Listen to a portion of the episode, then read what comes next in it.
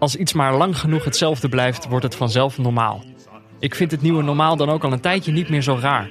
Het is alleen nog raar als het probeert te lijken op het oude normaal. Toen de competities dit weekend begonnen, had ik al een half jaar nauwelijks voetbal gekeken. Op de vroege zaterdagmiddag keek ik naar Fulham tegen Arsenal en ik wist opeens niet meer zeker waarom ik dat deed. Het was onwennig.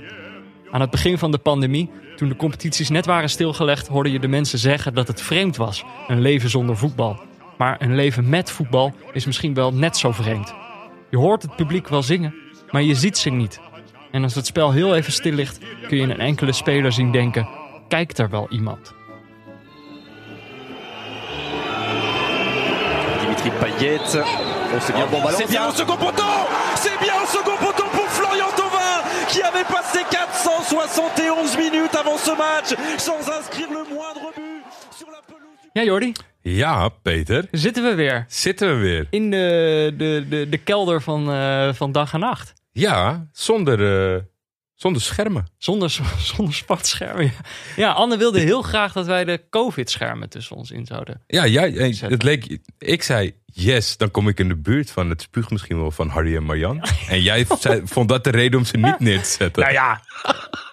Eh, Ik bedoel, die, je wil zo'n scherm ertussen zetten. Juist om, om, om niet besmet te raken, toch? En als er dan anders spuug op zit. Daar heb je misschien wel En wij zitten punt. gewoon netjes, eh, kijk, wij zitten netjes anderhalve meter uit elkaar. Maar dat is ook, ik bedoel, dat is nog weer veel langer geleden. De laatste aflevering die we hebben opgenomen was 27 mei 2020. Zo. Maar toen zaten we al lang niet meer, toen zaten we al in de intelligente no- lockdown. Toen Ja. zaten we allebei, of toen zat ik in ieder geval op mijn slaapkamer met een microfoontje via, via een Discord server met jou te, Ja, praten. ik, ik moet toch zeggen dat dat was het niet. En dat is niet per se omdat je, ja, nou ja, misschien eigenlijk wel. Je wil elkaar aankijken tijdens Ja. het maken. Ik merkte heel snel dat ik daar eh, iets op tegen had. Het, het, het is ook afwachten. Wie gaat er een zin beginnen? Het is heel ja, onpersoonlijk. zo, ik, ik vind, onhandig. Ja. Kijk, natuurlijk snap ik dat best podcasters soms met inbellers en dat soort zaken. Maar voor mij is het niet, eh, voor aan mij is het niet besteed. Nee, dus, joh, eh, ik, ik was blij dat we toen zeiden van dit is het voor even.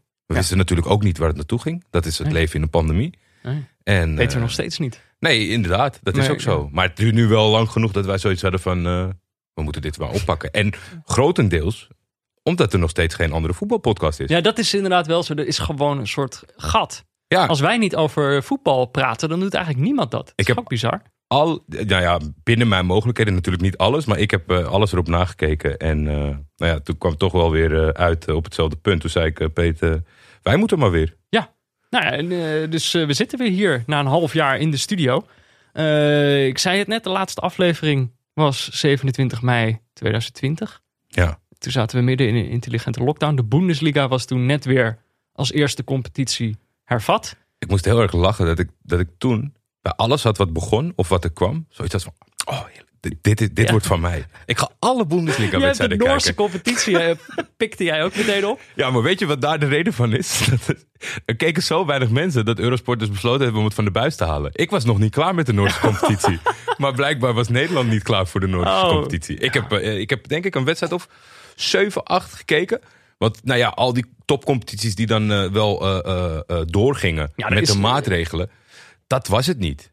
Er is sinds dat moment is er eigenlijk non-stop voetbal geweest. Ja. De Bundesliga begon, toen kwamen die andere competities weer. Toen nog de hele Champions League. Toen de Champions League klaar was, begon de voorbereiding op het nieuwe seizoen. En voor je het wist, was het alweer Ja, eh, dit weekend. En begonnen, begonnen de competities alweer. Maar ehm, heb je eigenlijk van dat non-stop voetbal? Je zegt net, eh, ik, ieder, iedere competitie die weer begon, wilde ik me helemaal eigen maken. Maar heb jij nou veel voetbal zitten kijken de Heel afgelopen weinig. maanden? Heel weinig. En, en wat ik zeg, wel allemaal begonnen met die intentie. En, en ook, nou ja, het zijn niet bij de eerste wedstrijd alweer losgelaten van, nou, laat maar zitten. Nee, dat was, dat was niet best. Op een gegeven moment had je natuurlijk wel inderdaad de Champions League. eh, had, een, had, een, een, een, had leuke wedstrijden. Dus dat Zeker. pakte de mensen ook. En er werd dan ook meteen van, moeten we dit niet altijd doen? Weet ik niet. Ik denk wel dat er wat formatwijzigingen zouden doorgevoerd mogen worden om leuke spellen in de band. Maar alles op basis denk- van één wedstrijd is denk ik niet de oplossing. Ik heb, nou ja, ik heb, eh, Champions League is voor mij eigenlijk, ik heb ook alles wel eventjes geprobeerd, maar Mhm. het gevoel, overheersende gevoel dat ik had, was, eh, dit telt niet, of zo. En dat is eigenlijk het gevoel dat ik überhaupt heb met heel 2020. Alles wat ik dit jaar doe is mooi meegenomen. Ja. Want het telt, dit jaar telt niet. Het is niet, eh, door die pandemie is het, ja, weet niet, je kan niet normale verwachtingen van dingen hebben. Maar ik had dus vooral dat al die competities dan, die hadden een paar maanden stilgelegen en dan werden ze weer hervat. En het voelde allemaal als een soort formaliteit. Ik had ook echt het idee dat het voor sommige spelers ook zo was van we moeten dit nog even afmaken. Ja. En, en er is natuurlijk heel veel gezegd toen over die beslissing van de eredivisie om, het, om er meteen mee te stoppen. Eh, maar ja, ik denk voor de spelers zelf en zo is dat Als ze iets best wel een goede beslissing. Als ze iets langer over de uitvoering hadden nagedacht, dan was het een prima plan geweest Ja. van ze. Want ik, ik kom er gewoon, ik dacht ja, dit is, dan moet dit nog even afgemaakt worden. Maar ik kon me er gewoon niet meer voor motiveren. Dat seizoen was gewoon in duigen Nee, gevallen. Laat dan ook maar, dacht ik. Ja, Maar ik merkte dus ook vrij snel, de Champions League heb ik nog wel gekeken.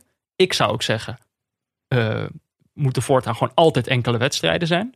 Maar ja, ik snap wel dat dat, eh, qua, ik bedoel, wie speelt er dan uit en thuis? En eh, qua spo- sponsors ja en precies. verkoop is Nee, maar ik als je denk- de twee wedstrijden kan verkopen, dan doe je er twee. Ik snap dat wel. Maar puur voor vermaak was Ja. die ene wedstrijd was geweldig. Ik vond dat echt, was voor het eerst in maanden zeg maar weer wat leuk voetbal. Ja. Ehm, maar ook dat was op een gegeven moment, ja, toen dat klaar was, merkte ik wel van, oh, het begint een beetje te kriebelen. Maar het, het grappige is dus dat zo'n, ik zeg net, eh, het telt allemaal niet. Maar als dus een nieuw seizoen begint, eh, zoals, de, zoals in dit weekend heel veel competities eh, eigenlijk weer echt een beetje begonnen. daar had ik dan wel echt heel veel zin in. Dacht ik, nou, ik ben wel benieuwd. Is wel echt een, is wel echt een hele belangrijke factor. Hè? Want ik had natuurlijk ter vergelijking wel eh, een club die ik support Mhm. tijdens die opstart. Want Turkije ging op een gegeven moment door en Galatasaray speelde. En toen Ja. was het ook van, ja, weet je, hoe, hoe, is dat dan? Want als, als, je, als je neutrale kijker naar een wedstrijd kijkt, dan was het misschien niet zo best. Maar misschien als je dan toch voor één bent, helpt dat. Ja, ja, ja. Dat hielp helemaal niet. Omdat ik exact dat gevoel eroverheen hing van, ja... Weet je, ging verloren ze ook nog de eerste wedstrijd. Houdt het meteen op. Ja, kampioenschap was al uit zich natuurlijk. Anders was je misschien ook anders. Ja, nu, nu, nu zie je toch dat als je het gewoon een beetje benadert... en je, je ziet ook wel lichte verschillen... wat publiek op de tribunes, waar we het straks natuurlijk over zullen hebben... Ja. dat helpt allemaal wel. En ik heb ook inderdaad wel het idee dat het, dat het nu weer voor het echt is. Ja, dit weekend was er opeens weer een soort enthousiasme over voetbal. Wat ik eigenlijk maanden niet heb gezien. Want Die maanden daarvoor was het inderdaad vaak als een competitie net weer begon. Het eerste speelweekend was iedereen enthousiast. En daarna was je eigenlijk al gauw het overzicht kwijt en keek je niet meer. Eh, maar nu was echt weer een soort collectief. Iedereen had er wel weer. Ja, maar het in. klopt ook wel. Want ik heb eh, zaterdagochtend eh, of zondagochtend... want ik had zaterdagavond een etentje... stond ik op met de talkshow van VI. Mhm. Gingen we Goedemorgen Eredivisie kijken. Tussendoor nog even Match of the Day teruggekeken. Ja, je hebt echt een voetbaldagje. Het ervan. klopte gewoon Ja. weer. Thuis schrokken ze ervan. kan ik wel vertellen dat eh Lot en Fik zoiets hadden van... hey, wat is dit? eh, Wat is dit ook alweer? ik, ik ken dit wel, maar het bevalt me helemaal niet. Ja. Maar gelukkig gingen die een dagje naar Eindhoven. Dus ja, nee, dat, dat was wel... Dat hoort er ook wel bij. Mhm. En dat lukte in die, in die afgelopen tijd. Ja, had je elke, keer, volgens mij om de paar dagen een match of the day. Ja, ja, ja, ik was daar inderdaad, ik was dat overzicht kwijt. De competitie boeide me niet meer. En het was gewoon. Kijk, nu is, was er dus weer een soort enthousiasme over voetbal. Maar hiervoor was het ook steeds. Ik, ik, ik kan me herinneren dat er was op een gegeven moment bij op één zaten een aantal eh, directeuren van eredivisieclubs. Edwin van der Sar en, en nog een paar die ik, eh, wiens namen ik eh, vergeten ben. maar dat, was, dat ging toen volgens mij over het idee dat er dan wel weer een paar. Volgens mij was toen net aangekondigd van er mogen wel weer supporters het stadion in, maar, maar zo'n percentage. Ja. Eh, zoveel mensen. En, eh, en dat, ik bedoel, kijk, voor Ajax betekent dat niet meteen dat die, dat die club omvalt of zo. Want dan past alsnog best wel veel in zo'n stadion. En ze hebben ook gewoon wel genoeg geld om overeind te blijven. Maar er was een soort, echt een soort eh, stemming bij een aantal van die directeuren. Van ja, mensen vinden het nu niet leuk om naar het stadion te gaan. Die gaan gewoon een andere hobby krijgen. Ze hadden een soort zorg van Ja. voetbal gaat gewoon minder populair worden. En toen dacht ik op, dat bleef toch hangen. Toen dacht ik, is dat zo?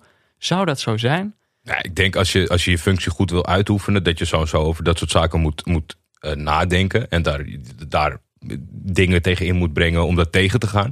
Omdat volgens mij de gehele tendens van de sport is wel zo. Het is niet dat het massaal met, met bosjes afneemt. Alleen, er zit wel volgens mij een terugloop in, in de liefhebbers of de manier hoe mensen liefhebbers zijn. Nou ja, precies wat wij als neutrale kijkers hadden, hebben de stadiongangers ook. Ja. Toch? Dat je denkt, nou ja, I don't know. Maar ja, ik denk dus dat het, dat het, eh, Nu is het allemaal net binnen de tijd. Als dit allemaal iets langer duurt, dan vraag ik me ook wel hardop af hoeveel mensen er terugkomen. Want dat geldt ook voor je amateurvoetbalteam. Dat was dan, nou ja, ook ineens mocht je niet meer voetballen. Nou Ja. ben je super blij dat het terug is. Maar dat komt omdat het, die tijdspanne is net goed genoeg. Want ik weet niet of jij dat ook zo hebt ervaren. Eh, vervelend, jammer. Maar het leven was ook wel prima. Zonder voetbal. Oh ja, ik miste het ook weer niet echt. Pas, eh, ja, eigenlijk tijdens die Champions League dacht ik, oh ja, dit is wel echt leuk. Het is niet jankend dat je een oude wedstrijd zat te kijken van... Nee. Oh, weet je nog vroeger? Ja, nee. Nee, nee, nee, maar dat, ja, Nee, dat is best wel... eh, eh, je, ik, nou ja, Het is heb, relativerend. ja. En ook wel een beetje afschrikkend. Maar misschien heb je dan ook wel heel lang aangesteld. Ik zeg altijd, ik, ik, ik leefde voetbal. Kijk Ja. alle wedstrijden, alle buitenlandse competities. En toen het zo wegviel, dan, hm, ja, oké. Het zou natuurlijk ook nog kunnen dat we nu... Nu kan ik lekker voetbalmanager spelen. Ja, precies. het zou natuurlijk ook kunnen dat we nu eh, dit weekend eigenlijk nog in die fase zitten die we al heel vaak hebben gehad de Ja. afgelopen maanden. Dat je denkt, het is weer leuk, ik ga alles kijken. En Of- dat we over drie weken alweer zo zitten van, nou, ik weet het niet. Maar kijk, wat het natuurlijk, om nog even terug te komen op die, die voetbaldirecteuren. eh, kijk, zij hebben natuurlijk ook, zij zitten daar. Hun doel is zoveel mogelijk mensen in het stadion krijgen. Mhm. Dus als zij zeggen, oh nee joh, mensen blijven wel komen. Ik snap wel dat zij voor hun onderhandelingspositie moeten zij natuurlijk ook zeggen, mensen, eh, mensen hollen weg. Ze nee, vinden het ik, niet ik, leuk meer in het stadion. ik geloof ze. Dat, is heel, eh, dat gebeurt niet veel bij clubbestuurders, voetbalclubbestuurders. Maar ik, ik geloof oprecht wel hoor. Ja. Want het is natuurlijk ook bij, niet bij alle clubs zit het altijd vol. Het neemt af. De Jupiler League is, of sorry, keukenkampioen divisie, die kan je niet, die is niet vol te rammen. Dus ja, dat is wel, het is wel gewoon een, een ding waar En je. terechte zorg. Ja. Kijk, dat ze meteen het handje ophielden bij de regering van, oh jeetje, we, we- we- weet je, sommige clubs. Mhm. Dat vind ik wat anders. Maar ik, ik geloofde hier, ik, ik geloof dit wel, dat ze dat oprecht eh, Ja. eh, eng vinden. Nou, en ik moet dus ook zeggen, het is eigenlijk ook dat gevoel. Waardoor ik dacht. eh, ik kan het ze niet in de steek laten. Edwin precies. rekent op mij. Nou ja, eh, ik dacht, dit is, dit is, we moeten nu een nieuw seizoen gaan maken. Want je vraagt je soms wel eens af van, weet je wel, wat valt er nog te zeggen over een voetbalwedstrijd? Maar nu is de situatie zo vreemd. Mhm. En dus eh, voetbal zelf moet nadenken over wat eh, betekenen onze kijkers eigenlijk voor ons? En wat betekent het als er niemand naar het stadion komt? Heeft een wedstrijd dan zin of zo? Dus dat soort vragen zijn opeens heel relevant. Terwijl, ja, ik bedoel, als de stadions vol zitten of bijna vol, dan gaat het daar niet over of dan denk je daar niet over na. Dus ik dacht, volgens mij zijn er, zoals ik dit weekend weer voetbal ging kijken en een beetje dacht van, ja, wat was een beetje gek om het weer aan te zetten. Het was heel Mhm. leuk, maar het was ook gek. Dan dacht ik, ja, volgens mij zijn er veel meer mensen die dat hebben. Dus wij moeten, wij moeten er zijn voor die mensen. Ja. Eh, het, laatste seizoen was in alle, in alle vormen apart. We gingen wat dingen uittesten. We hebben hartstikke leuke gasten gehad. We hebben het vanuit thuis door de, door de de lockdown moeten doen. ja. En toen hadden we eh, wat conclusies daarover. En toen dachten we, we gaan, eh, we gaan het zo doen in seizoen 5. Zoals Ja. we het nu gaan doen. Ja, en dan dacht ik, we gaan het, ik ga het ook gewoon eens een keer kort en bondig uitleggen. In Ja. plaats van in 40 minuten. Kijk, wat we gaan doen. eh, seizoen 5 is bij deze eh, van start gegaan. We zijn er gewoon weer wekelijks. Ja. We gaan gewoon elke week een wedstrijd kijken. Dus eigenlijk vanuit het idee dat er, dat er meer mensen dan ooit zijn... die zich afvragen, waarom kijk ik ook alweer voetbal?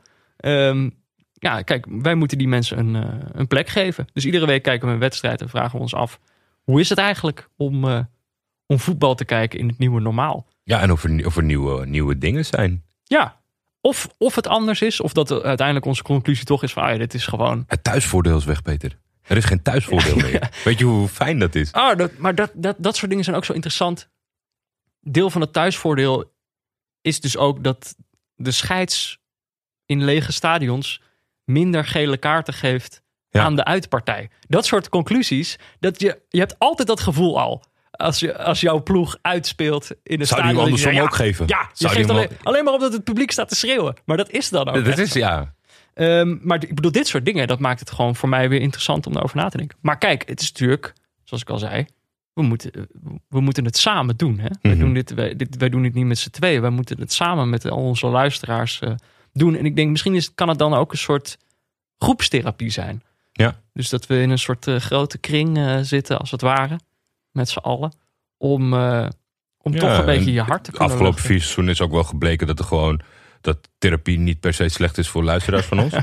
dus wat dat betreft denk ik dat het tot een heel mooi resultaat kan leiden. En allen. eh, ik dacht, zeg maar, kijk, als je dus ook moeite hebt met, met voetbal kijken in het nieuwe normaal als je dit gevoel herkent. Mhm. Of als je al een oplossing hebt gevonden voor dit gevoel. ehm, dan, kan je, dan kan je daar dat mailen naar ons, neutralekijkers.gmail.com. Ja. Eh, en dan kunnen we het daarover hebben in de volgende aflevering bijvoorbeeld. Ik heb dat, eh, luisteraars, ik heb dat eh, voor de aankomende drie weken elke dag een reminder in mijn, in mijn agenda geschoten. Want wat ooit, ja, ooit echt wel onze schatkist was. Eh, misschien zijn we een beetje naast onze schoenen gaan lopen of iets. Maar we hebben eh, met het, al dat de, de, de, de Gmail-account een beetje links laten liggen. Het is, het is echt ook schaamtevol hoeveel, hoeveel mailtjes erin zaten die eh, onbeantwoord zijn. Ik heb dat één keer eerder gehad. Toen ben ik nog iedereen met terugwerkende kracht na zes maanden. Hey, ik heb het gelezen, sorry. nu heb ik het maar even gelaten. Maar vanaf nu is dat gewoon weer eh, eh, mail daar Nou ja. naartoe. En je krijgt altijd antwoord. En we hebben er nog een inbox bij. Want dit hebben wij nog nooit eh, aangekondigd in Oh deze, ja, in deze podcast. Maar is dat eh, Dag en Nacht Media in, in onze afwezigheid een, eh, een nieuw platform is gestart. Vriendvandeshow.nl. Eh en daar zitten wij ook op. Je kan daar dus vriend worden van onze show. Je kan gewoon een bedrag doneren. Maar je kan ook een abonnement nemen op onze show. Nou ja, dat wijst zichzelf allemaal wel. Ehm. Laat het zo zeggen. De, de, degene die het hoogste bedrag doneert in één keer.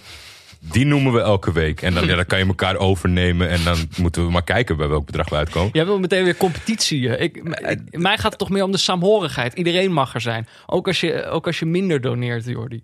Vind Ja, mensen maar ik, ook zijn. ja, nee, tuurlijk. Maar dan zou ik het wel leuk vinden als je dat eh, extra motiveert. Of ik, je daar, of ik daar dan wat van mag vinden of Ja, niet. maar je kan dus even kijken op vriendvandeshow.nl slash neutrale kijkers.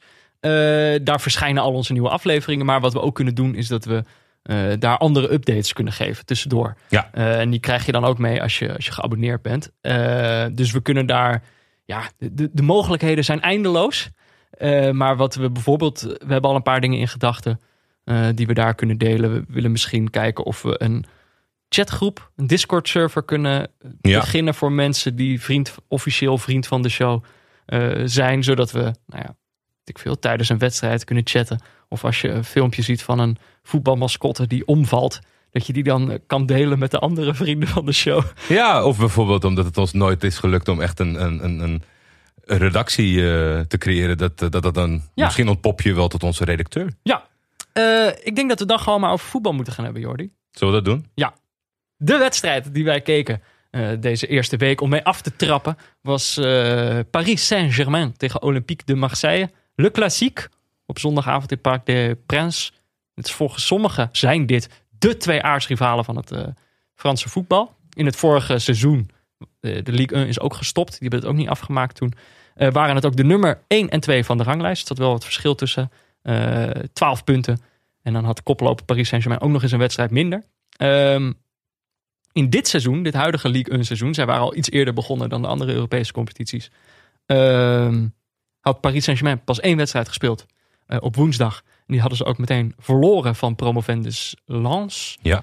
En eh, Marseille had ook één wedstrijd gespeeld en die hadden uitgewonnen bij Brest met 2-3. Eh, vorig jaar werd deze wedstrijd 4-0 voor Paris. Ja.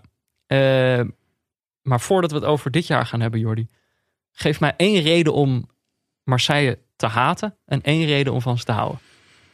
Dat vond ik een, eh, een bijzonder moeilijke opdracht eh, die je hebt eh, meegegeven, Elke Peter. ploeg heeft een reden om, om ze te haten en om van te houden. ja, dat zeker. Alleen, ik, ik vind het dan weer moeilijk om dat van mezelf af te zetten. Dus ik denk de reden waarvoor, waarvoor ik van ze houd... Mhm. en waarvoor je van ze zou kunnen haten... ook een reden voor heel veel mensen zou kunnen zijn om ze te haten. De, de, de reden waarvoor Marseille fantastisch is, vind ik... is dat ze echt zijn of, of, of een rauw randje hebben. Het is...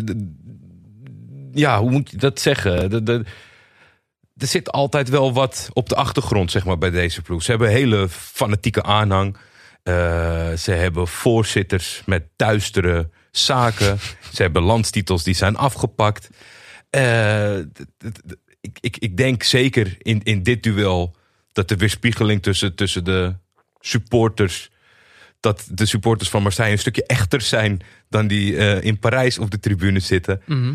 En ja, ik, ik, ik kwam er eigenlijk. Dus ik, dat was een beetje overkoepelend, omdat de club is. Heeft fantastische shirts. Ik denk misschien wel een van de mooiste kleurencombinaties die er is in het voetbal. Lichtblauw en wit. Ja, ja. dat moet je inderdaad eh, misschien wat toelichten. Eh, altijd spelers gehad. Dat doet mij natuurlijk ook, ook heel veel plezier. Die bereid zijn om het randje op te zoeken. Mhm. En dat eh, geldt ook steeds nog steeds vandaag de dag. Dus ja, ik, ik denk gewoon dat karakter. Het karakter van de ploeg. Ja, en ik begrijp ook heel goed waarvoor dat even goed de reden kan zijn dat iemand zegt: Oh, ik haat dat. Ja. Ik vind dat verschrikkelijk. Dat, dat, dat, dat hysterische, dat een beetje eh, eh, over het randje. Mhm. Terwijl dat niet eigenlijk mag. Dus dat, ik, ik vond dat moeilijk om te scheiden. Dus maak daar vooral zelf je keuze in als luisteraar. Is dat jouw reden om van ze te houden? Of is dat de reden om, om, om ze te haten?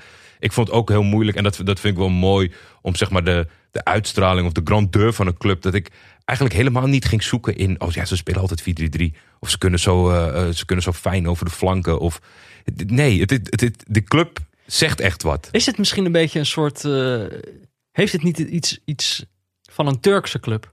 Nou, De geest van een Turkse club waard door... eh, door. Eh, dat, dat denk ik, zeg maar, niet, niet per se. Maar de parallellen zijn er genoeg. Zeg maar. De invulling eraan is anders. Mhm. Maar, maar dezelfde intensiteit. De zo. intensiteit zeker. De beleving daarvan echt. Ja. En dat is ook... eh, eh, ik, ik, ja, het meest recente voorbeeld, volgens mij is dat een jaar of drie, vier geleden...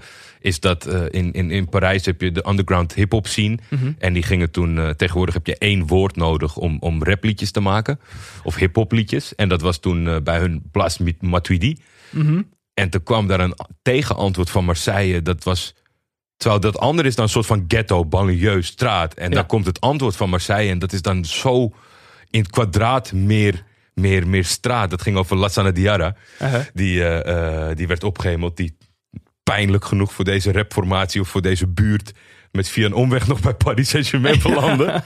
dat is natuurlijk heel vervelend. Maar ja, dat, dat, ik, ik, het ik vind het een echte, een echte, echte club.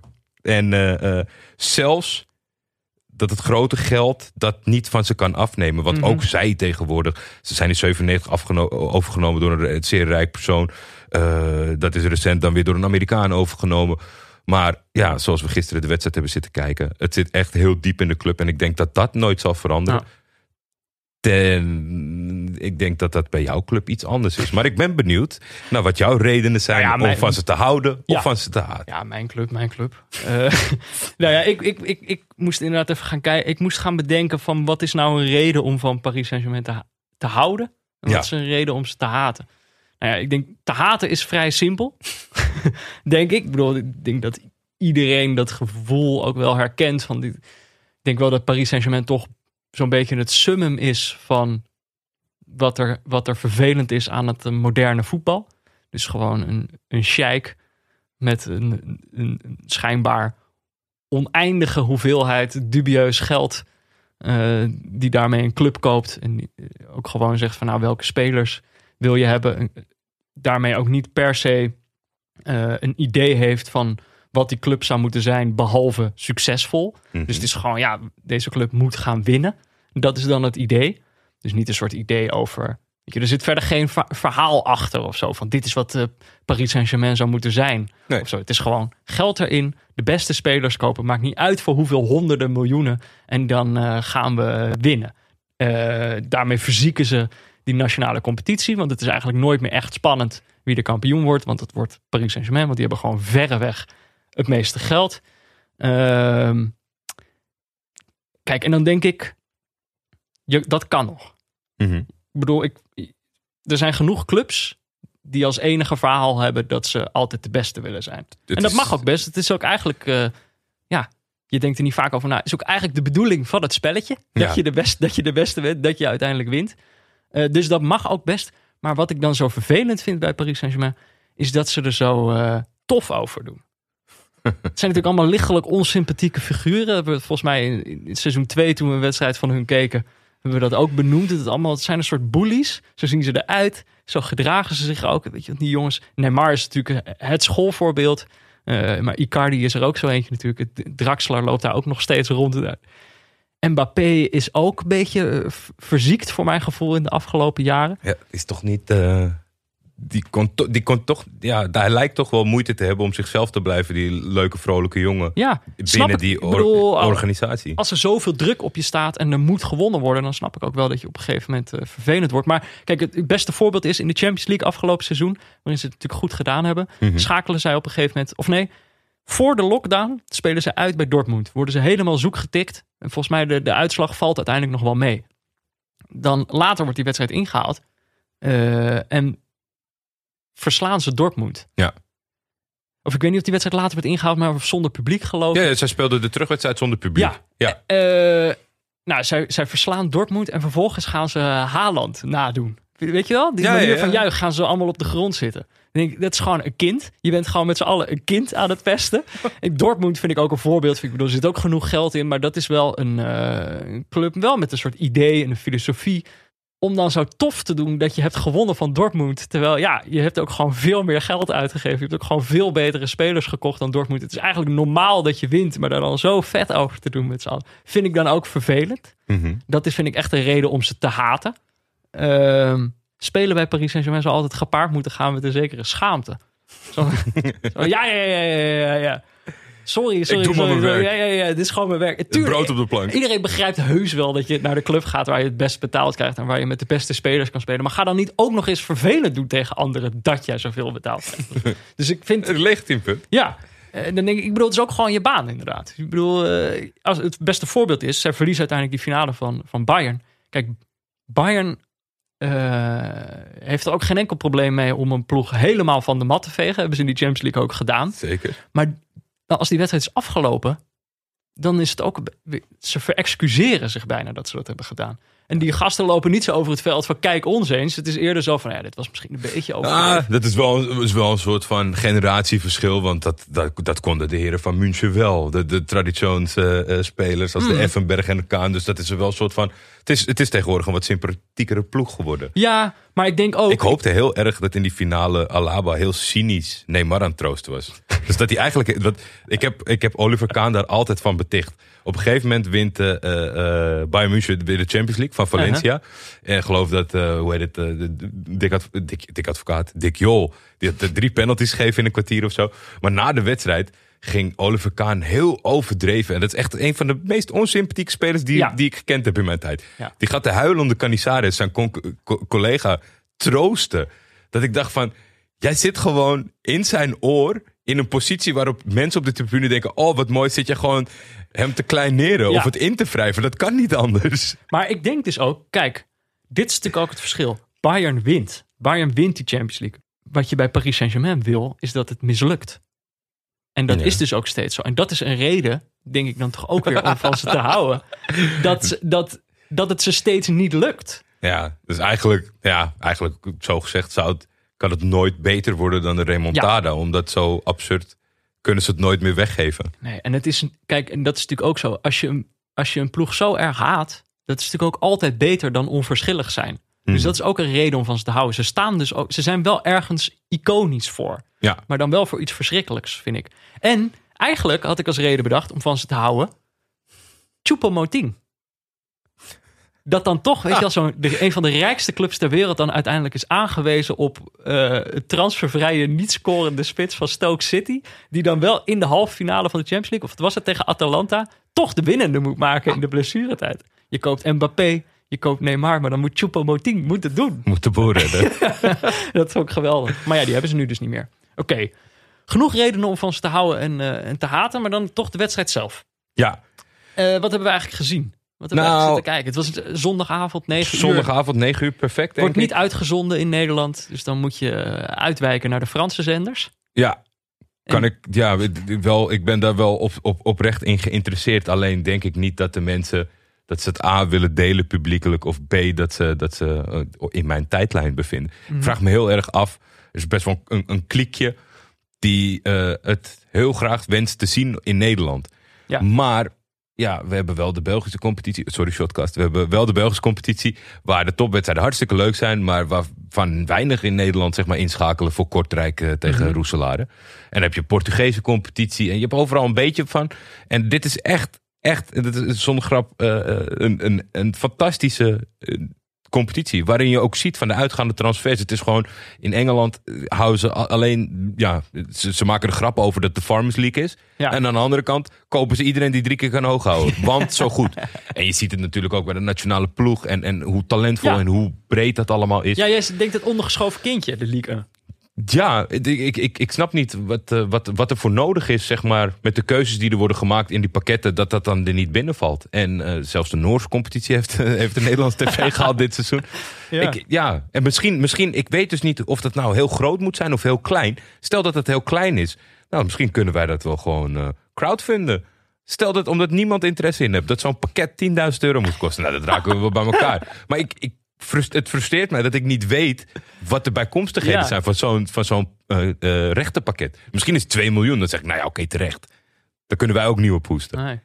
Maar anders beloof ik dat ik het eh, een poging zal wagen om aan te te trekken. En dan zenden we het maar uit via Twitch of weet ik niet. En dan maken we er nog wat omheen. Ik, dat, vind ik, dat vind ik heel jammer. En dat is, dat is, het is jaren heel slecht geweest. Want bij FC Buitenland heb ik altijd grappen gemaakt over die saaie kutcompetitie. De Franse competitie. Mhm. Speelde heel veel 0-0.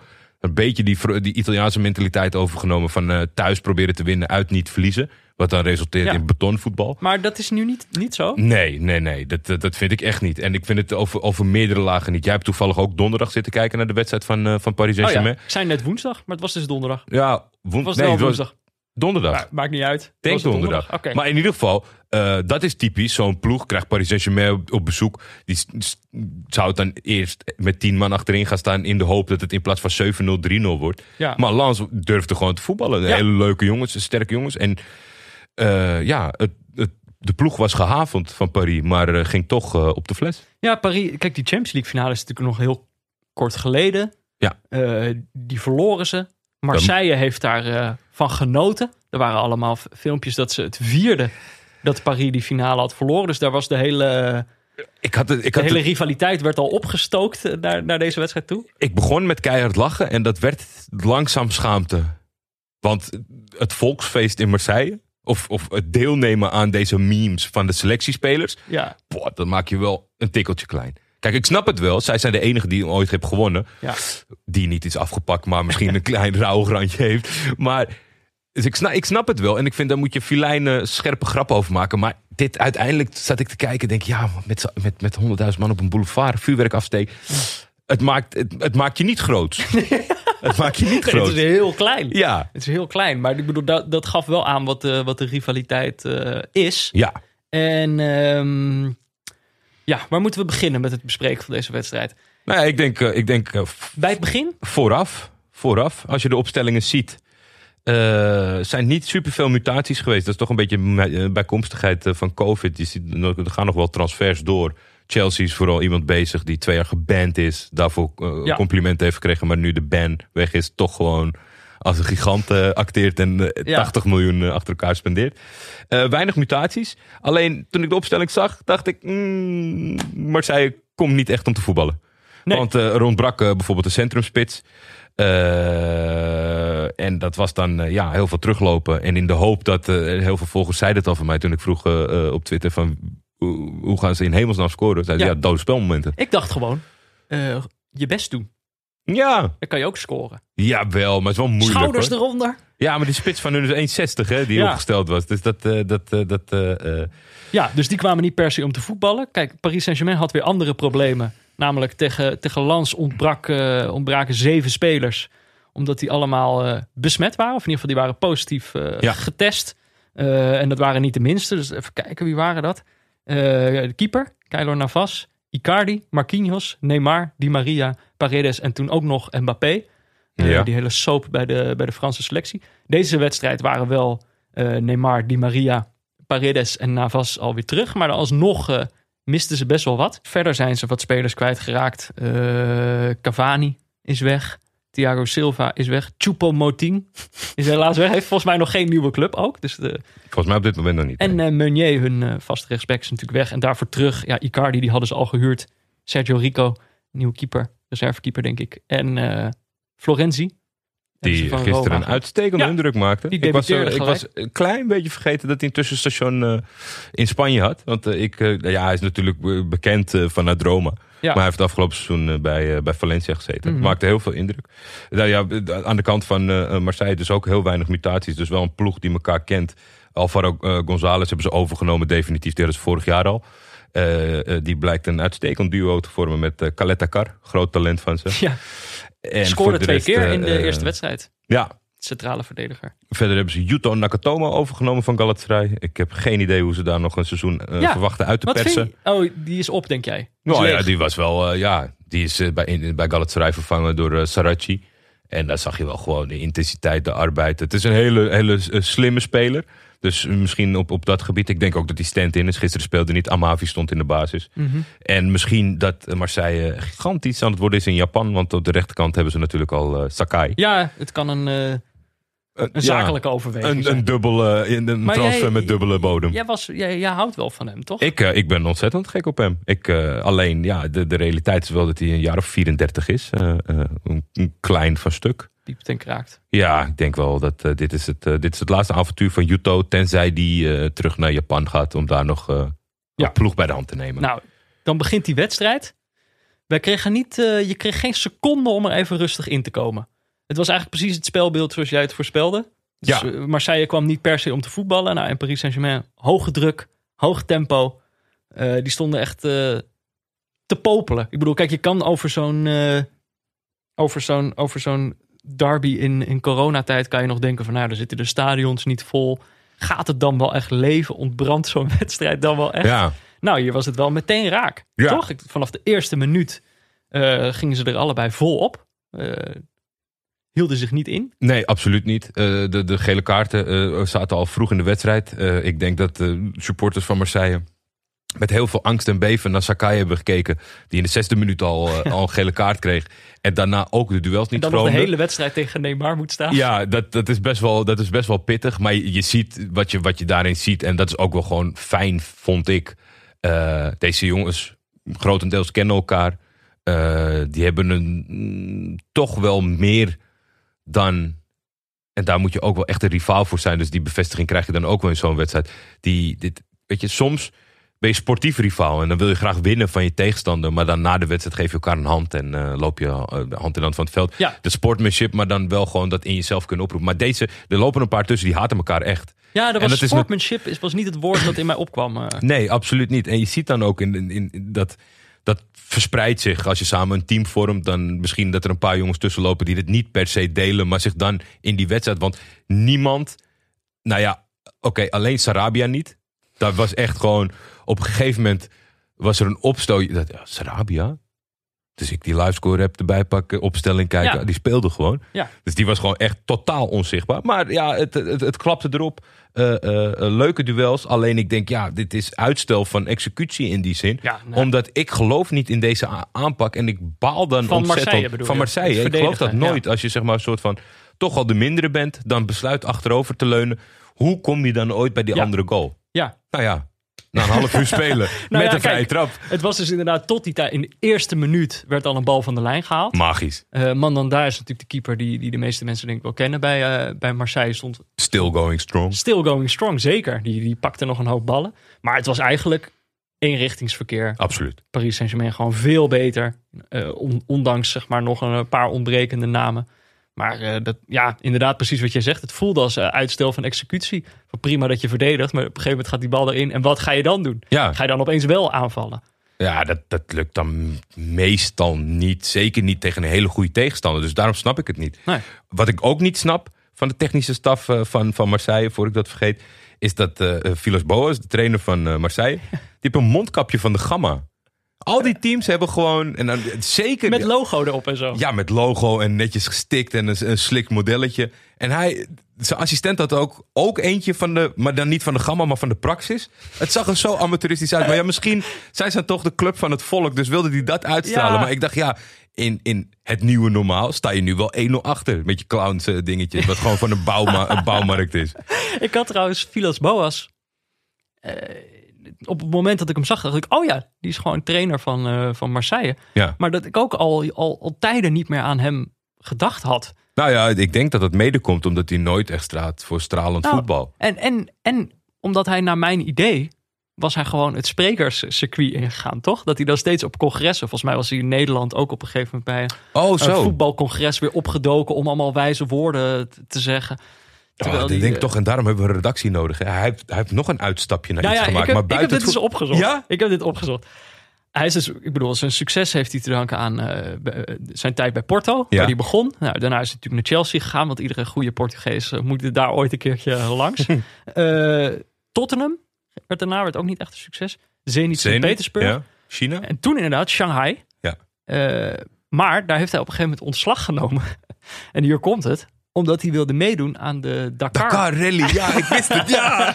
En toen is hij op de vierde dag eh, is hij gecrashed. En toen eh, Hij ging super defensief rijden, zo dat hij crashte uiteindelijk. hij, eh, hij crashte en is toen naar het ziekenhuis gebracht. En, Ja. en vanuit dat ziekenhuis is hij naar Marseille gegaan. Hij is zo iemand die epistel na epistel kan schrijven over een, een, een bepaalde manier van denken achter een spelhervatting. Het is echt een professor. Ja, Maar dan kijk ik naar het elftal en denk ik, ja, wat is dit weet je, spendeer maar iets minder om erover na te denken. Doe maar iets meer op gevoel. Of Ja. uit de heup. Hij is echt heel, Heel saai. Heel saai. Nou ja, dat is eh, Maar, hey, 0-1 voor. 0-1. 0-1. Park de Pre. Eh, en eigenlijk precies, eh, ik bedoel, in jouw reacties op Twitter, jij zei, hoe gaan ze scoren? Ja. Nou ja, i- iedereen zei uit de vrije trap van Payet. Of iedereen, meerdere mensen zeiden dat.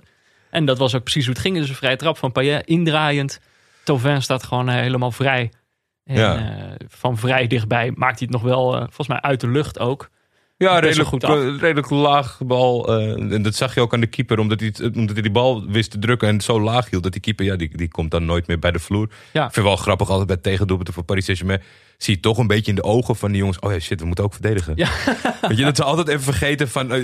normaal. Het hoort niet bij het plan. Nee, of zo. Ja, we, moeten met logisch, z'n allen maar aanvallen en 7-0 winnen. Maar Het is inderdaad ieder tegendoelpunt zie je ze denken, oh ja, dit kan gewoon. Tegenpartij kan natuurlijk ook scoren. maar dat, ik bedoel, dat zorgde denk ik wel er wel voor. Ik bedoel, op, als Paris op voorsprong was gekomen, dan was de wedstrijd misschien naar een iets lager pitje gegaan. ja, Terwijl nu ging het juist eh, naar een kookpunt eh, vrij snel. Eigenlijk in de eerste helft was het gewoon, het Ja. was nog niet echt matten. Eh. Maar het was wel veel opstootjes en dan lag Neymar weer op de grond. Het, za- het zat ook wel een beetje in het plan van aanpak, denk ik, van Marseille. Ja. Om, om, om in ieder geval eh, eh, zo strak mogelijk eh, het dicht te houden achter. En waar mogelijk een voetje op een voetje. Een gebaartje. Iets, eh, iets, iets verbaals. Eh, Ja. Om gewoon steeds, want je weet dat er een paar jongens licht onvlambaar zijn. En dan als je dan voorkomt, ja, dan kan je dat helemaal uitbuiten. En dat is wat je ziet. Want de spelers van Marseille hebben zich redelijk gedragen. Die hoefden niet absurd te doen op de opstootjes na. Wat vaak een reactie was op. Dus er was heel weinig voor nodig om ze gek te maken. Ja. Ja, en ik bedoel, uiteindelijk, eh, de tweede helft, is er nog heel veel gevoetbald? Of, eh, Nou ja, op, Paris komt er niet doorheen. Een paar pogingen gedaan. Op een gegeven moment is er een prachtige eh, steekbal van een verschrikkelijk slecht spelende uh, Ganagaye. Op die Maria. Buitenspel, wordt afgekeurd. Dat, dat leek de 1-1 te worden na een half uur. Mhm. Twee minuten later is het aan de andere kant Benedetto, net ingevallen. Die een af, eh, afslaande bal eh, eh, keihard binnenwerkt, 0-2. Je denkt, ja nou escaleert het helemaal en is het ook wel echt klaar. Ja. Die wordt afgekeurd ten onrechte. Dat was wel echt gewoon dik buitenspel. Het was absoluut geen buitenspel. dan escaleert de wedstrijd pas echt. Want dan Ja, want dan Kevin komt-. Daar komt de wasmachine erin. Dan moet je toch elke keer als die jongen... Op, het- je, je- je leest dan, het gaat veel afgelopen tijd over die spelersraad van Oranje. Ja, Zit Kevin Strootman in. Ik denk, nee, ik kan me niet heugen dat hij voor het laatst heeft gevoetbald. en dan in zo'n wedstrijd denk ik, ja... zie, hem toch weer even. Kevin Strootman komt de wedstrijd over de streep trekken. Maar hij heeft het wel gedaan. Ja. Want eh, eh, daarna, daarna gebeurt het gewoon eigenlijk niet meer. Is het alleen maar eh, kat-en-muisspel in de zin van elkaar laten struikelen.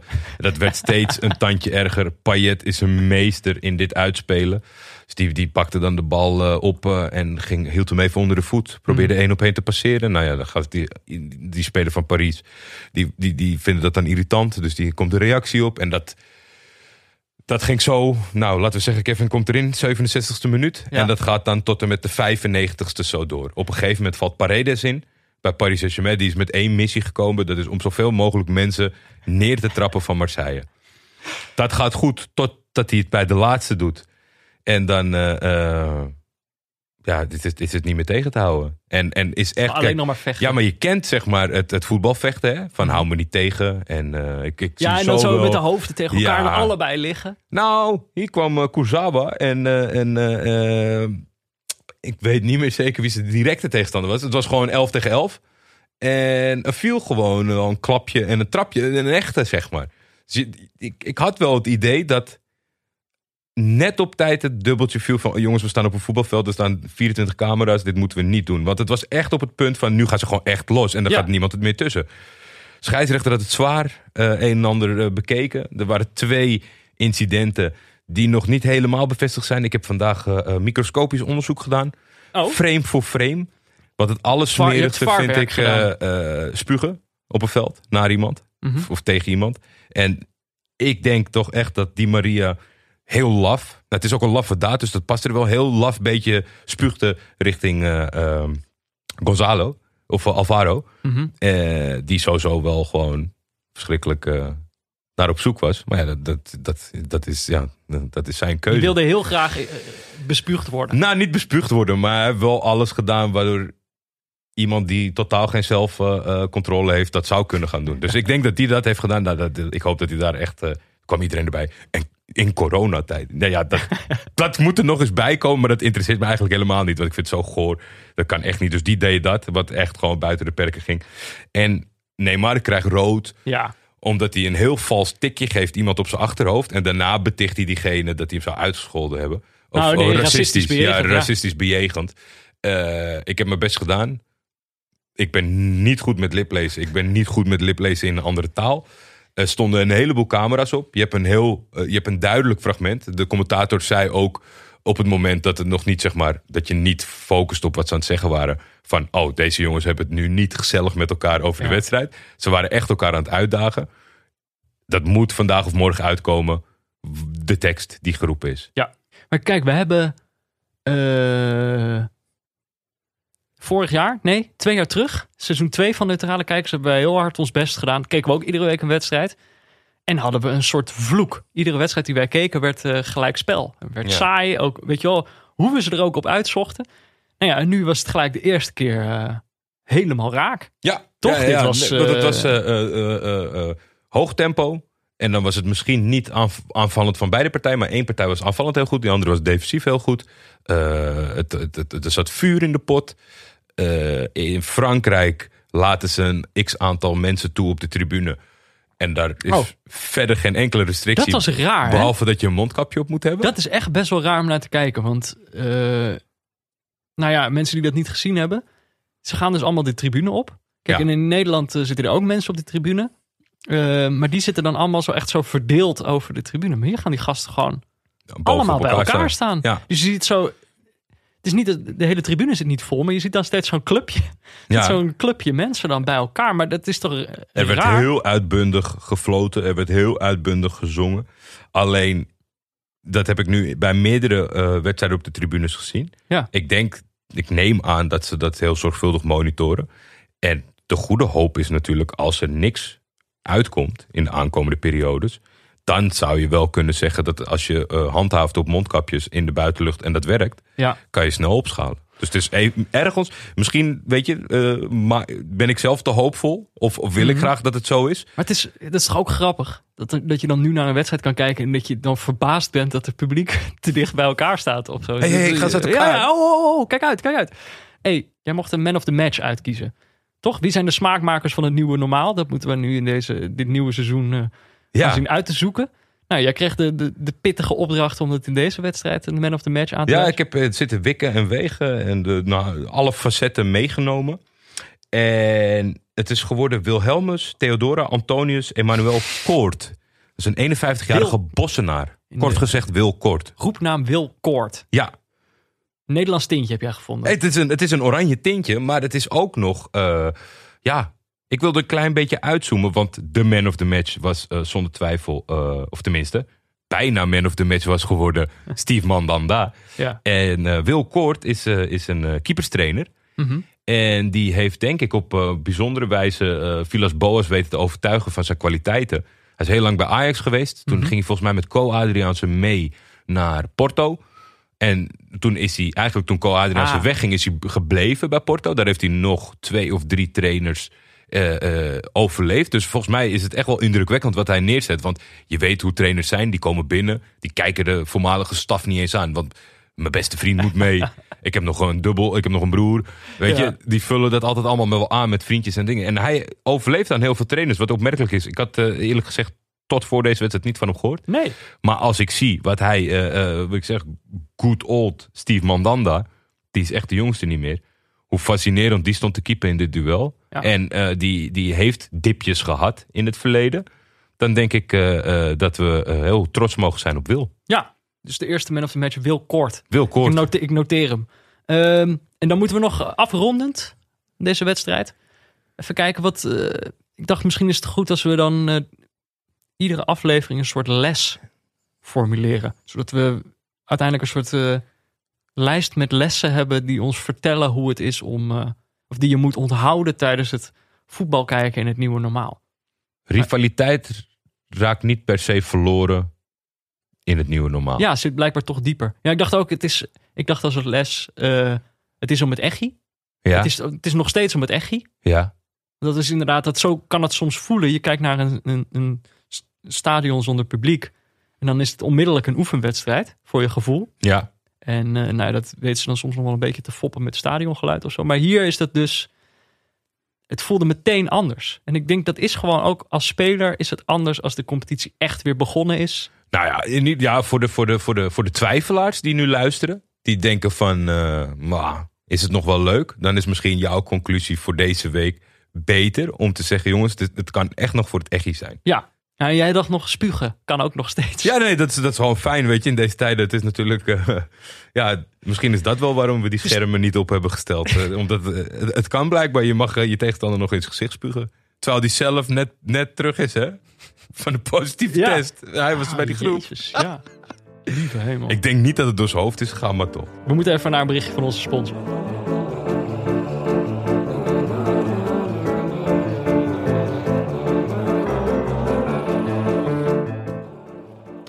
Ja, ook eh, dit seizoen van Neutrale Kijkers wordt natuurlijk weer mede mogelijk gemaakt door Auto.nl. Yes. Trouwe sponsor, ze zijn er weer. Eh, en op hun website, Auto.nl, Ja, staat heel groot, zij garanderen nooit meer een miskoop.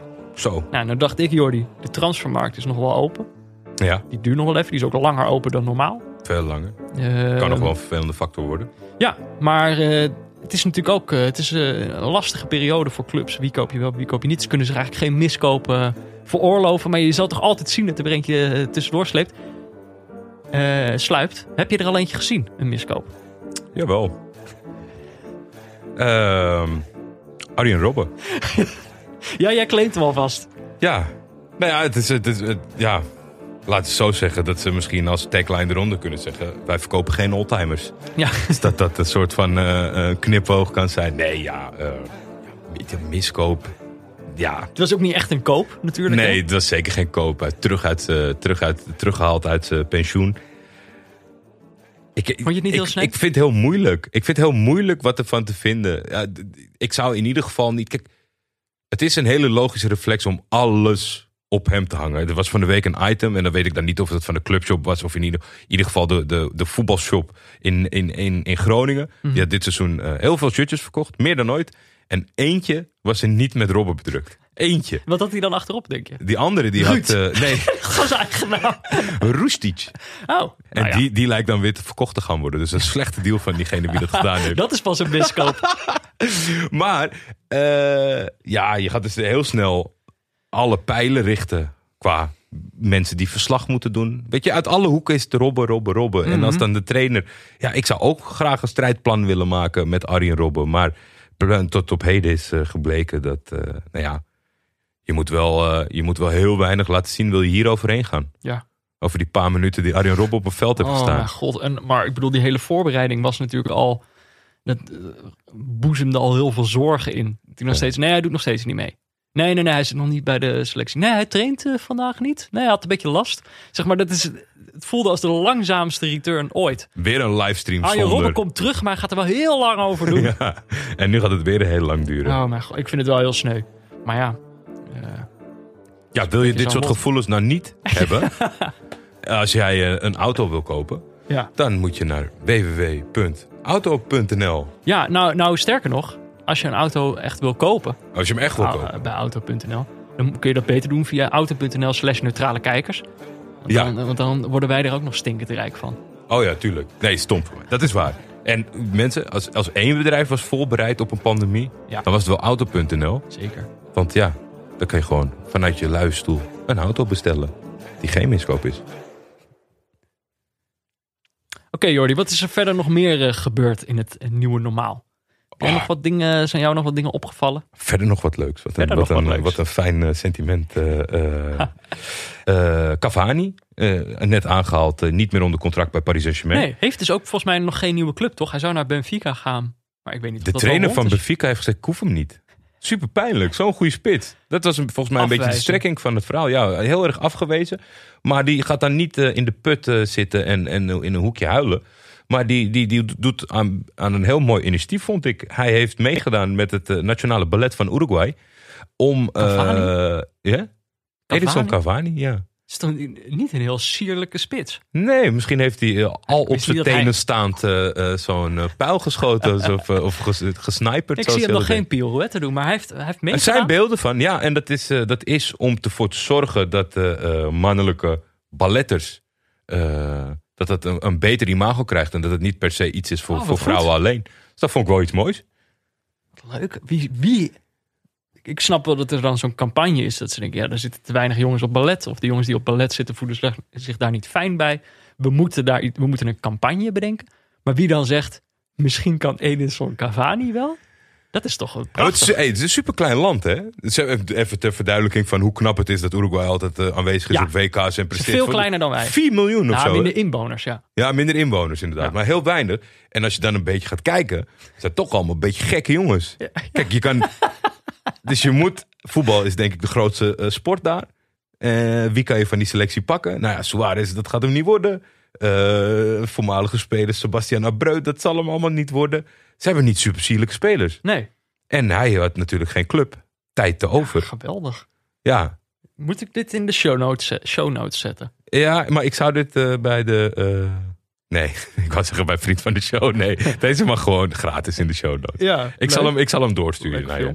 Ja, ik had ook een, nou, ik had ook een filmpje gezien. En ik bedoel, ik denk dat inmiddels uh, heel veel mensen dat wel, wel hebben gezien. Maar er is een documentaire gemaakt over Tottenham, het vorig seizoen. Uh, weet je wel, we kennen de formule inmiddels wel. Ze krijgen full access, overal mogen camera's bij. Ja. En dan een seizoen lang volgen. En, de, en ze weten inmiddels wel dat, dat er dan genoeg mensen zo gek zijn om dat ook allemaal te gaan kijken. Nou, Tottenham heeft dat nu gedaan. Het is natuurlijk het jaar waarin uh, Pochettino werd ontslagen en Mourinho binnenkwam. Ja. Uh, en ik zag een, uh, een filmpje voorbij komen, een fragment. Volgens mij Jeroen Elshoff was degene door wie het bij mij in mijn Twitter-tijdlijn terecht kwam. En dat is een fragment waarin Mourinho in zijn kantoortje zit en praat.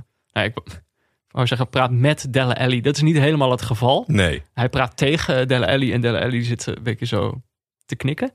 Um, en nou ja, ik, weet, ik bedoel, ik heb, die, ik, heb de, ik heb de serie niet gezien, de documentaire niet gezien. Dus ik weet niet precies uh, wanneer dit is. Maar ik gok dat het is als Mourinho net uh, binnengekomen is. Heb je Sunderland Till I Die inmiddels al? Nee joh, ook niet. Nee. en dan komt deze nog achteruit. Zijn negen joh. afleveringen. Nee, ik heb niet gezegd dat ik het zou gaan kijken, Jordi. Dit. Oh. Ik, ik, weet niet of ik dit ga kijken. Dit nee. een, maar dit ene fragment. Ja. Kijk, het is, uh, mensen moeten het zelf maar kijken. Ik zal ook dit wel in de show notes zetten. Maar Mourinho spreekt Delle Alli toe. En dat was natuurlijk toen Mourinho er net was... leefde Delle Alli op. Ja. Uh, op het veld. Die begon opeens weer te scoren. Die begon mooie dingen te doen. En dat was echt de protégé van, uh, van Mourinho. En er was steeds de vraag, wat, wat is daar gebeurd? Wat hebben ze tegen elkaar gezegd? Want daarvoor was hij natuurlijk een beetje weggezakt. En nou ja, je ziet dan dat gesprek. Nou ja, en ik had eigenlijk, wat er bij mij gebeurde... waarom ik het nu over dat filmpje wilde hebben... is, we hebben vaak genoeg grapjes gemaakt over Mourinho in deze podcast. Ik heb een keer een heel kerstverhaal over hem geschreven. ja. Maar ik keek naar dat fragment... en op zeg maar, wat ik grappig aan hem vind, is dat uh, hij natuurlijk een man van grootspraak is. Ja, en dat het nu, niet, nu al tijden niet meer lukt. En dat uh, is een soort, ja, dan, en dan wel die grootspraak blijft volhouden terwijl hij geen succes meer heeft. Dat is altijd een beetje pijnlijk. Maar ik zag dit ene fragment en ik begreep opeens weer, ik begreep opeens heel goed waarom hij een succesvolle trainer is. En waarom spelers uh, blij met hem zijn.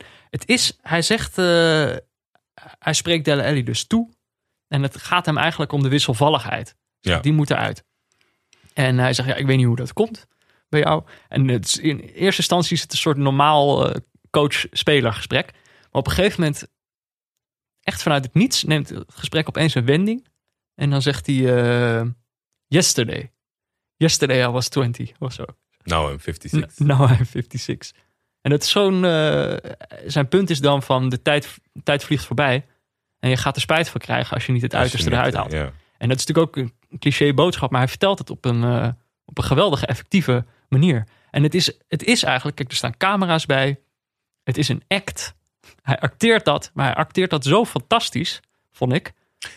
Eh, Is dan niet de conclusie dat hij misschien een ander beroep moet kiezen? nou, Inmiddels. nee, ik Want denk... dat, is, dat is mijn punt, zeg maar. Ik, ik, ik, ik zie de dingen voorbij komen. Op het ene kan ik lachen, het andere is mooi. een Dus punt, Deze hij was moet pundit worden of zo. Nou ja, of, of, of, of, of ja, het liefst natuurlijk wel in het voetbal. Omdat we hebben ook natuurlijk Mourinho op een gegeven moment wel gemist. Zijn- karakter. Maar misschien moet hij zijn plek vinden bij iets kleinschaligers. Of, of zeg maar niet dat allebei komstig die jij zei over eh, nog steeds die attitude, maar niet kunnen winnen. Wat een soort van triest Nou, wordt. hij heeft ook nu weer verloren natuurlijk afgelopen ja, afgelopen weekend. En eh, eh, dat was Maar- met een heel saai. Maar ik, ik kan dit concept op geen enkele manier. Als ik er twee seconden over nadenk, dan, dan vind ik, eh, nep. Maar weet ja, Die nou, camera's, ah. die, dat volgen van zo'n ploeg, dat is gewoon nep. Want je, je, je ziet niet hoe een echt voetbalseizoen is, want dat laat niemand toe.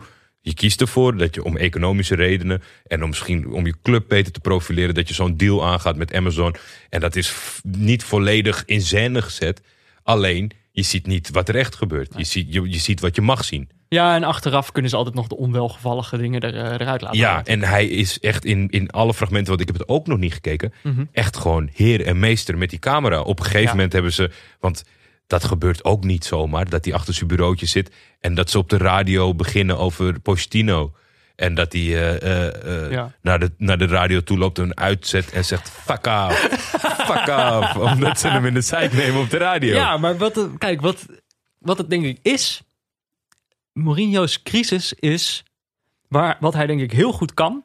En dat is, dat is een beetje mijn, eh, mijn stokpaardje. Wat ik, waar, wat ik iedere keer bereid in deze podcast. Is dat om succesvol te zijn in voetbal moet je ook een, verhaal kunnen vertellen. Je moet als club moet je weten wat je verhaal is. En dan kan je, dan kan je pas echt eh, succesvol zijn. Als je dat Ja. niet hebt, dan hebben die spelers niks om in te geloven.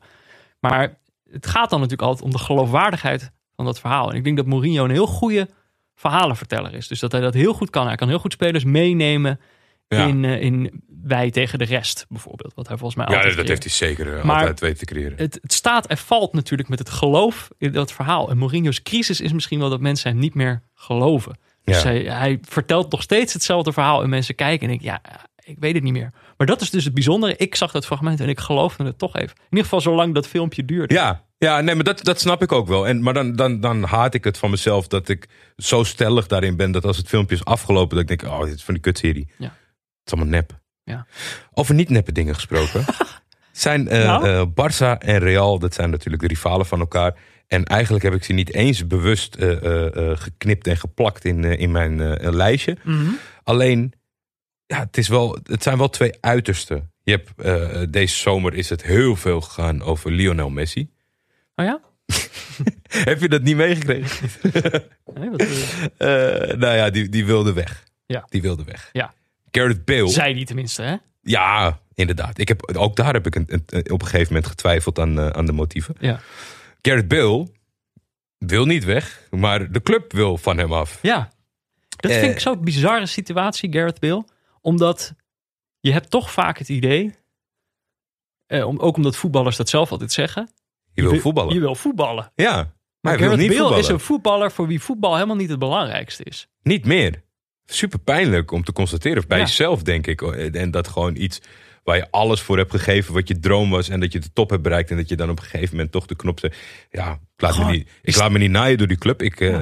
Vandaag had hij weer van, eh, eh, naar buiten gebracht. Real Madrid kan het wel vergeten dat ik 1 euro vergeet mee te nemen. Ja, nou, het staat er weer lekker op. En dan Ja, leuk erachter God. staat van Real Madrid have received no offers for the Welshman. Nee, maar dat is natuurlijk, ook, dat is natuurlijk wel wat er vaker gebeurt. Als je heel veel betaalt voor een speler en je geeft hem een gigantisch contract. Betekent dat ook dat je er niet meer van afkomt. Dus Nee. de speler gewoon vast op zo'n plek. Ja, en dan wordt de vraag, en dan gaan mensen dan toch vaak overstag om dat ze altijd willen voetballen. Ja, Dat ze zeggen van, nou, ja we fuck zijn it, bij ik ga toch wel gewoon naar Everton. Weet je, zoals James Rodriguez. Ik teken voor de helft. ja, Dat kan, dat, dat, ik heb het uitgerekend, dat moet ik rond kunnen komen. Als ik de helft, dat, schat, dan moet is je niet meer gewoon shoppen till, je- till je drop. Maar als we een beetje opletten, gaan we het redden.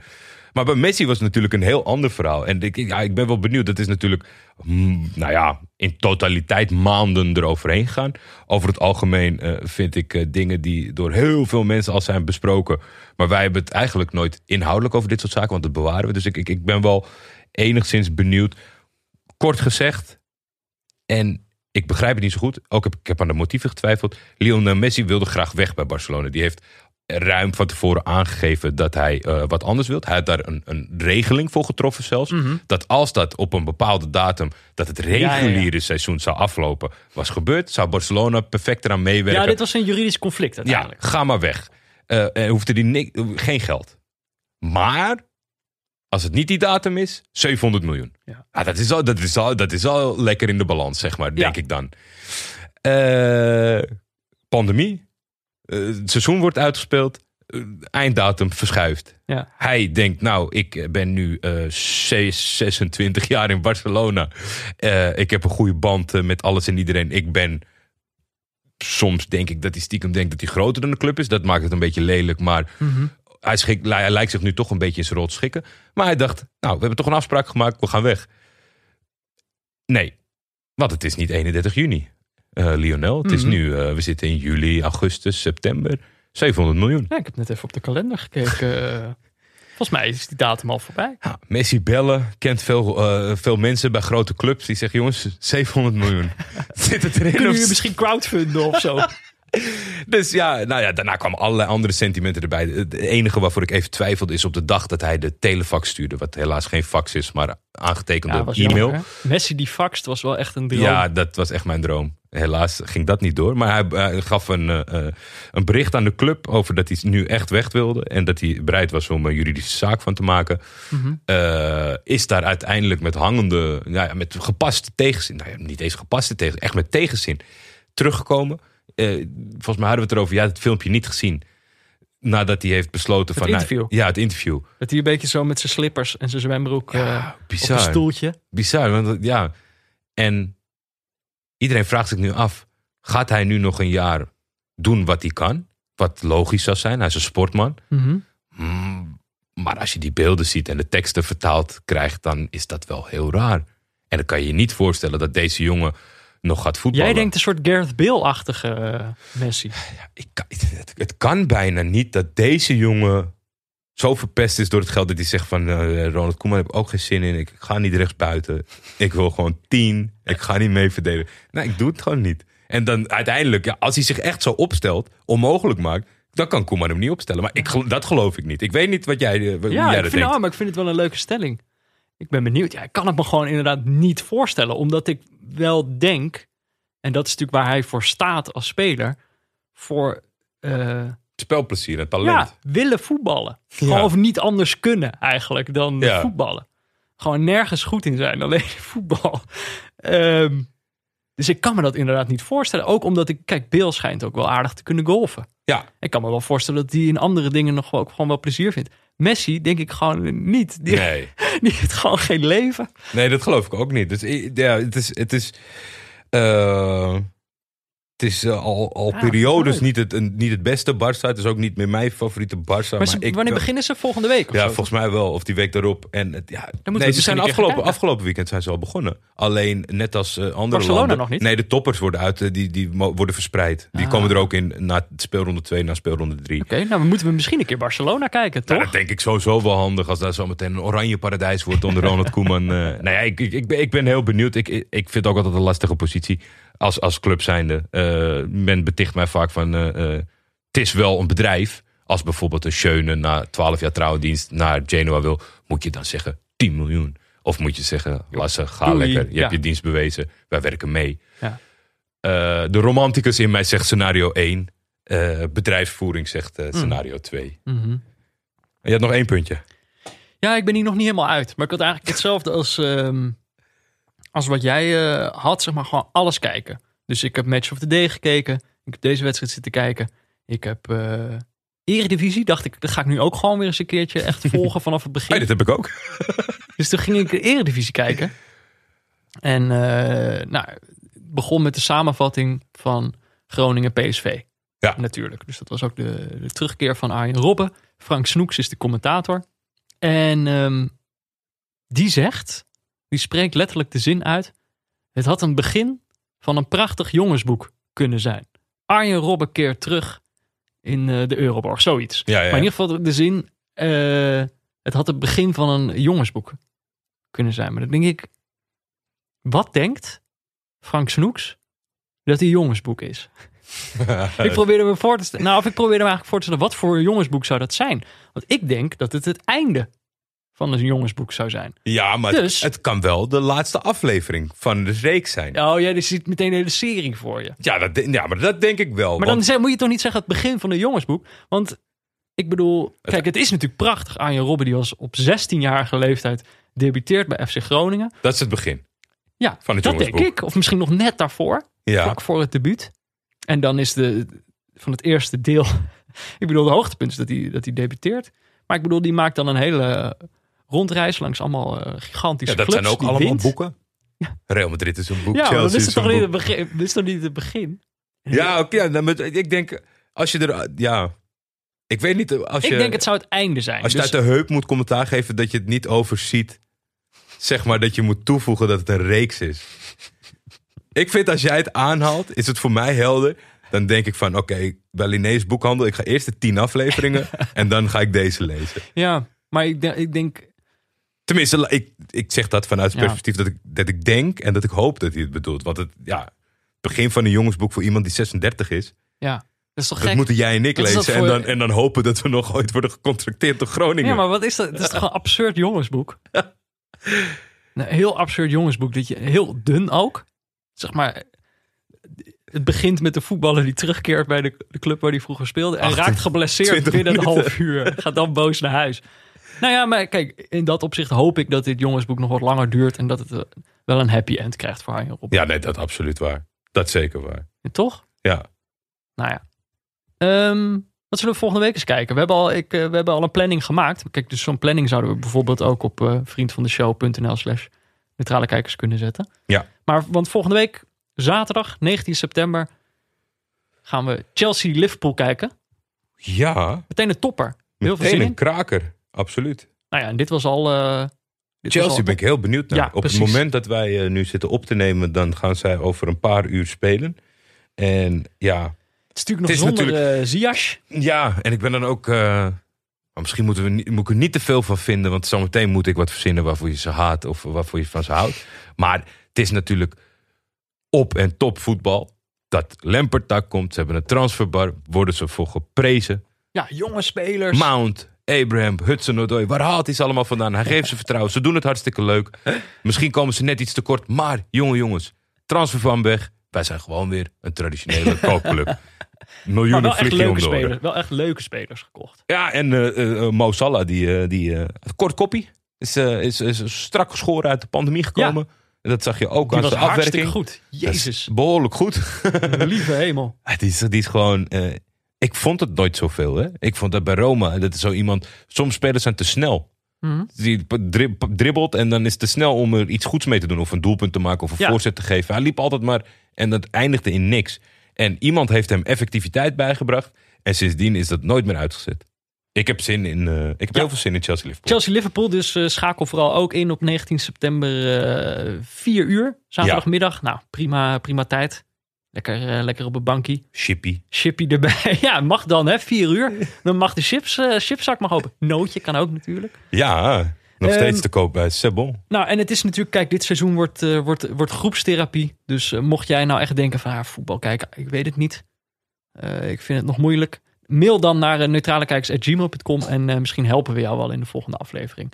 Weet je, we moeten het samen doen, hebben we Ja. al gezegd, hè? Moeten wel nog zeggen dat ondanks dat wij al uit de lucht waren, vriend van de show gelanceerd is, wij daarop stonden en dat sommige mensen het al hebben gedaan. Ja, we hebben En al 25 vrienden. Jullie mogen sowieso, wat er ook komt, mogen jullie al gewoon gebruik van maken.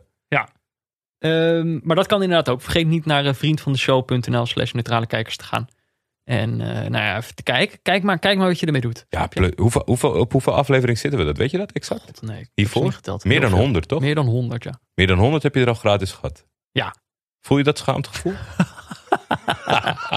dit, dit gaat wel werken. Nee, het, het, belangrijkste is natuurlijk dat we een nummer 1 worden op het platform. Ik ja. weet niet wie uh, koploper is, maar... Uh... Nou, dit, we, zijn, we zijn los en laten we hopen dat het een... Uh, ik ben hartstikke blij dat ik van tevoren heel veel zin in had en dat het niet is tegengevallen. Nee, hè? Dat gebeurt toch vaak. Ook met voetbalwedstrijden denk je, oh, Classico, ga voor zitten. Ja. Eh, kutwedstrijd. Ja, nou ja, we hebben Nou. een heel seizoen gemaakt met dat gevoel. maar ik had, ik had ik, met, eh, met heel veel uh, uh, zin zat ik eigenlijk al een, een, tijd uit te kijken naar dat deze datum zou zijn. Omdat Ja. wij, uh, wij wisten al heel lang dat we deze maandag gingen opnemen. Ja. En het is niet tegengevallen, Peter. Nee. Leuk om weer tegenover je te zitten. Yes, volgende week weer. Oké. Neutrale Kijkers is mede mogelijk gemaakt door Dag en Nacht Media. Hoofdsponsor op de borst is natuurlijk nog altijd Auto.nl. De muziek is Tachanka van Leon Liesner en Friends en een uh, adaptatie daarvan van Studio Cloak. En de artwork is natuurlijk ook nog altijd van Barry Pirovano. Wil je meepraten? Dat kan. Je kan ons natuurlijk volgen op Twitter via het buurtvader of @defef. Je kan ons dus mailen neutralekijkers@gmail.com of je kan dus vriend van de show worden. Kan je een kleine donatie doen. Uh, maar je kan daar denk ik ook. Ik denk dat we daar dus het speelschema of ons uh, speelschema moeten zetten. Dan weet je welke wedstrijden we de komende tijd gaan doen. Of je zegt, hey, jullie kijken deze wedstrijd niet. Waarom uh, gaan jullie die wedstrijd niet kijken? Dat uh, zou leuk zijn. En dan doen we het echt samen. Ja, maar laat je wel dan snel overtuigen. Het moet niet heen en weer van, nee. ja, maar... Nee, geen ruzie. Nee, nee, nee. Gewoon zeggen van... Ik wil je, geen ruzie. Je mist Real tegen Valladolid. Nou, dan zeg je waarom. En dan zeggen wij, nee, maar toch bedankt. En dan is het klaar. Oké, okay, volgende aflevering dus Chelsea-Liverpool op zaterdag. En, Je, als jij al ideeën hebt, je kan ook jouw redenen geven om uh, van ze te houden. Jouw redenen om ze te haten. En uh, verder, hou afstand. Blijf neutraal. En uh, volgende week zijn we er weer. Tot dan, Jordi. Tot volgende week, Peet.